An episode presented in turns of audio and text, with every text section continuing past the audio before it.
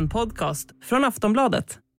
The White House is warning that a Russian attack on Ukraine could begin any day. After a huge buildup of Russian troops near the Ukrainian border, American officials say Moscow now has the capability to conduct a major military operation, possibly beginning with an air assault. We encourage all American citizens who remain in Ukraine to depart immediately. We want to be crystal clear on this point. Any American in Ukraine should leave as soon as possible and in any event in the next 24 to 48 hours. En attack mot Ukraina skulle kunna inledas nu på onsdag. Ryssland-Ukraina-konflikten är än mer spänd efter helgen då USA dundrar på med budskapet att det kan handla om bara dagar ifrån att Ryssland inleder en invasion av Ukraina. Just nu både pågår och planeras en mängd samtal och möten världsledare emellan för att få läget att svalna. Lämna Ukraina är USAs råd till sina medborgare och flera länder, däribland Sverige, har följt efter och sagt likadant. Men vad kan de här samtalen länderna emellan ge för resultat? Eller har Putin redan bestämt sig? Hur nära ett krig är vi just nu och hur skulle i så fall Sverige påverkas? Det ska vi fråga vår utrikespolitiska kommentator Wolfgang Hansson. Och så ska vi prata om hans intervju med den ryske ambassadören i Sverige. En intervju som fick fötter och nådde en världspublik. Jag heter Amanda Hemberg Lind och du lyssnar på Sveriges största nyhetspodd Aftonbladet Daily. Varmt välkommen att lyssna. Och det kan ju vara tvära kast i världspolitiken. Så innan vi fortsätter ska jag säga att det här spelas in under måndag förmiddag. Wolfgang Hansson, utrikespolitisk kommentator här på Aftonbladet. Hej och välkommen. Tack så mycket. Ja, det blev ju en helg med ett än mer spänt läge får man ju säga. Kan du beskriva vad är det som har hänt? Veckan har ju, började ju något sånär lugn kan man väl säga och sen så brakade det loss i helgen. Kan du beskriva vad det är som hänt? Ja, framförallt var det väl de här eh, uppmaningarna, först av USA och sen av en rad andra länder om att man skulle, man uppmanade sina medborgare att lämna Ukraina och USA tog också hem eh, all icke nödvändig ambassadpersonal eller beordrade dem att förbereda sig på att eh, resa hem. Eh, och samtidigt så kom det amerikanska uppgifter om att eh, eh, de ryska trupperna som befinner sig nära Ukrainas gräns hade lämnat sina baser och börjat röra sig mot gränsen till Ukraina. Och det kändes ju som väldigt mycket som någon slags förebådan att nu var invasionen nära. Och det var till och med så att USA hävdade att, eh, att det fanns ett speciellt datum som man hade eh, listat ut tack vare signalspaning som var på onsdag den här veckan den, den 16 februari så skulle Ukraina invaderas. Så, eh, vi får väl se hur, hur det blir med den saken. Men hur, hur, säker, hur säker var man på det då? Nej, det är man naturligtvis inte säker på. Det, det är ju, jag menar, amerikanerna som alla andra lyssnar naturligtvis på de ryska truppernas och de ryska eh, myndigheternas eh, konversationer telefonledes och på andra sätt eh, för att försöka lista ut vad de tänker göra. Och det är alltid svårt att veta vad som är korrekt information och vad som inte är det. Eh, men USA har ju den här gången, det har ju varit en taktik från Joe Biden att hela tiden läcka information ifrån underrättelsetjänsten för att liksom förutsäga eh, Putins nästa drag. För att eh, han inte ska få det här överraskningsmomentet som han fick eh, när man invaderade Krim och östra Ukraina. Apropå USAs president och Biden, han har ju pratat i telefon med Rysslands president Putin. Tysklands förbundskansler Scholz besöker Kiev och Moskva. Det, det, är ju mycket snack nu. Kan du berätta hur eh, alla världsledarna gör just nu?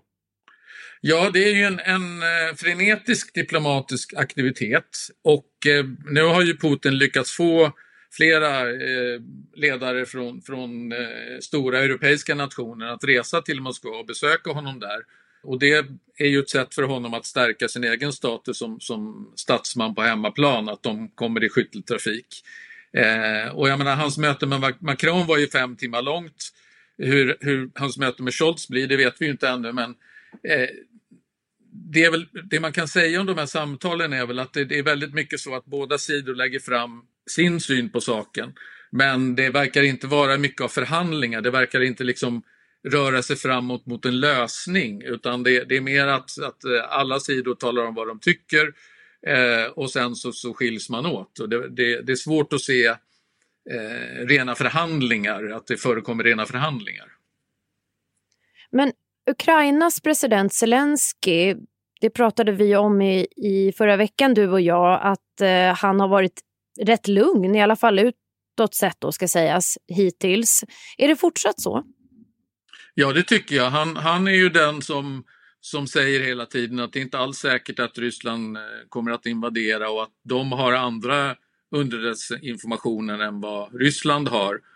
Och samtidigt ska man ju komma ihåg då att hans, hans syfte är ju naturligtvis att undvika panik i landet. Och än så länge så, av de rapporter man får från Kiev, från västerländska journalister som är där, det är ju att läget verkar vara ganska lugnt, att folk, befolkningen i och för sig man är säkert oroad men att man inte, man har inte börjat hamstra mat och sådana saker i butikerna och eh, folk går till sina jobb och allting verkar fungera som vanligt än så länge. Och, och det visar väl att den här taktiken har varit ganska lyckad från Zelenskyjs sida. Ja, kan du berätta lite mer om det? Vad, vad säger det ukrainska folket? Ja, de säger ju att de, de tänker försvara sig ifall Ryssland angriper. De, är, de vill försvara sin demokrati och sin nation eh, de tänker inte lägga sig platt och eh, den här gången har ju Ryssland inte det här överraskningsmomentet som man hade i Krim. Och man ska komma ihåg att Ukraina är, det är ett väldigt stort land med 44 miljoner invånare. Det är ingenting man bara kör över. Så att om Putin har tänkt sig en, en, en fullskalig invasion så, så är det ju förmodligen till en väldigt hög kostnad för Ryssland också. Men vad tror du då? Har Putin redan bestämt vad han ska göra eller kan de här ja, vad, vad, vi då ska kalla det, men förhandlingarna, om vi säger så, då, kan det leda någonstans? Alltså det, det, är svårt att se att det skulle leda någonstans med tanke på att eh, västvärlden är ju inte beredd att ge efter en tum på de här viktiga punkterna som, som gäller säkerhetsordningen i, i Europa.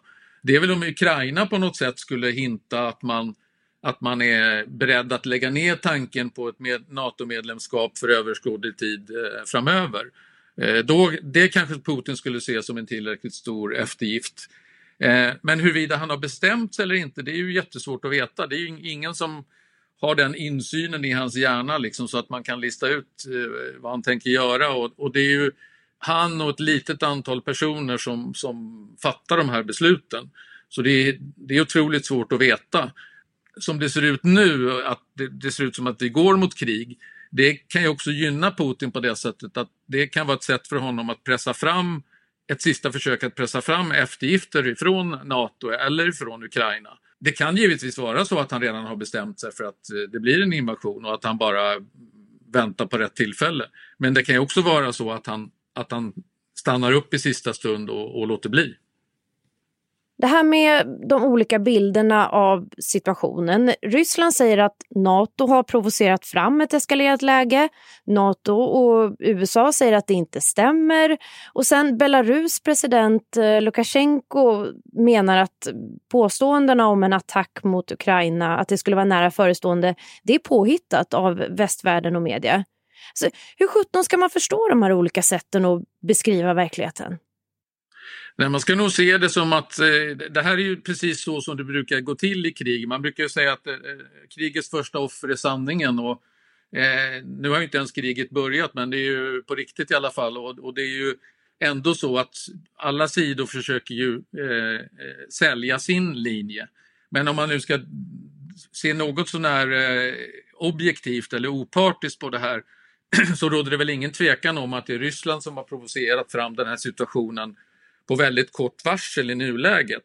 Sen kan man ju då möjligen säga att, att eh, Nato har bidragit till det på så sätt att man har utvidgat eh, alliansen med både före detta Sovjetrepubliker och med länder som tidigare var med i Warszawapakten som var Sovjetunionens militärallians.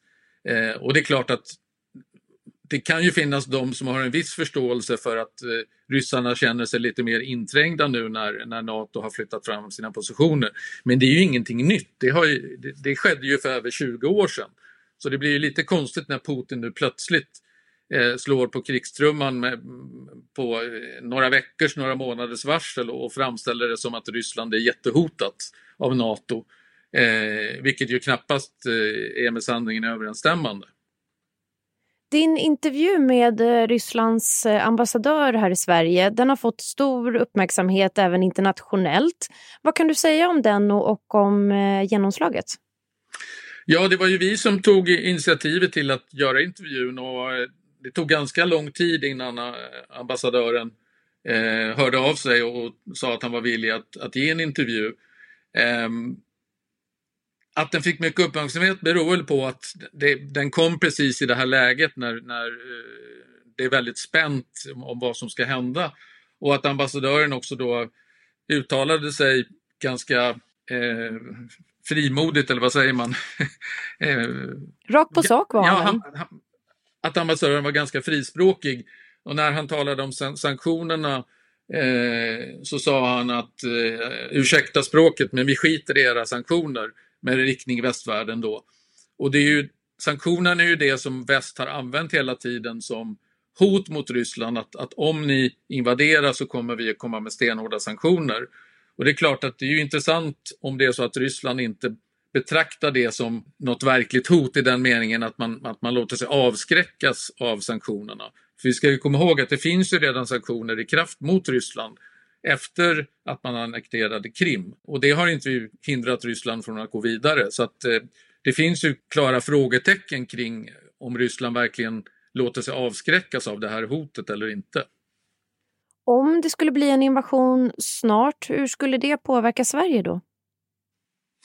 Jo, det skulle påverka Sverige i den meningen att det, hel, det påverkar hela det säkerhetspolitiska läget i vår del av Europa det skulle kanske inte påverka i bemärkelsen att det inte är så att ryssarna skulle invadera dagen efter de har invaderat Ukraina, så att säga invadera Sverige. Men det, det blir ju mycket mera oroligt läge även för Sverige och det kommer ju skickas mycket mera, NATO kommer att skicka trupper till de östra partnerskapsländerna, de östra medlemmarna. Det kommer att bli ett upp, upptrissat säkerhetsläge och i de, de lägena så finns det ju alltid risk för att något oförutsett inträffar. Det är ju liksom när man väl startat ett krig så är det inte helt enkelt att kontrollera exakt hur, det, hur förloppet kommer att bli. Så att självklart kommer det att påverka Sverige negativt och vi riskerar ju bland annat, eh, bara som ett exempel, så riskerar vi ju kraftigt höjda energipriser och därmed kraftigt höjda elpriser eh, om det blir krig. Och vi har ju redan sett nu hur börsen har gått ner och det, det kan ju fortsätta att accelerera och det påverkar ju kan påverka både räntor och människors sparande och pensioner och så vidare. Så att, eh, eh jag menar, ett, ett krig i Europa, det, självklart så skulle det ha allvarliga följder även för Sverige, även om vi inte är direkt inblandade. Vad skulle kunna bli nästa steg bedömer du och, och vad är det man ska hålla ögonen på just nu? Ja, det är väl eh, hur det fortskrider med de här ryska truppförflyttningarna och de här, den här militärövningen som man har i Belarus, den ska ju sluta på Eh, lördag tror jag det är. Och vad händer då med de ryska trupperna? Kommer de att eh, kommer de skicka hem trupperna och materialet tillbaka till Ryssland eller kommer de att vara kvar i Belarus? Det kan ju också ge en viss indikation på, på vad Ryssland planerar för någonting. Och sen är det klart, det är det ju intressant. Eh, Zelensky har ju bjudit in Biden att komma till eh, Ukraina, till Kiev. Eh, kommer Biden att, att göra någonting sånt? Kommer Biden och Putin att ha något direkt möte på neutral mark? Det finns ju många olika händelseförlopp här som kan inträffa eh, fram till det att det liksom blir en eventuell eh, rysk attack. Men när den väl har blivit så att säga, då, då kommer ju mycket av det här, det kommer att vara diplomatiska ansträngningar ändå, men då kommer vi inte längre att se eh, västledare som åker till Moskva. Hur nära är det då en eh, invasion i Ukraina? Ja, jag önskar jag kunde ge ett, ett klart och tydligt svar på den frågan, men det, det, kan jag tyvärr inte och det kan ingen annan heller, utom möjligtvis eh, president Putin. Eh, för han, det är ju han som har, har det här beslutet i sin hand. Men din bedömning av situationen då, har den förändrats nu över tid eller har den varit ungefär densamma? Ja, det är väl klart att när man får alla de här rapporterna eh, om eh, trupprörelser och, och blodbanker som förs fram till gränsen och så vidare. eh, så känns det ju i dagsläget som att det är en större fara för en invasion än vad jag tyckte det var för en månad, en och en halv månad sedan. Eh, då kändes det ju mer avlägset. Idag får man ju säga att det, även om jag försöker vara optimistisk i den bemärkelsen att jag helst inte vill se något krig, så är det ju svårt att blunda för att det finns en uppenbar risk att det blir ett krig. Wolfgang Hansson, utrikespolitisk kommentator här på Aftonbladet. Tack för idag.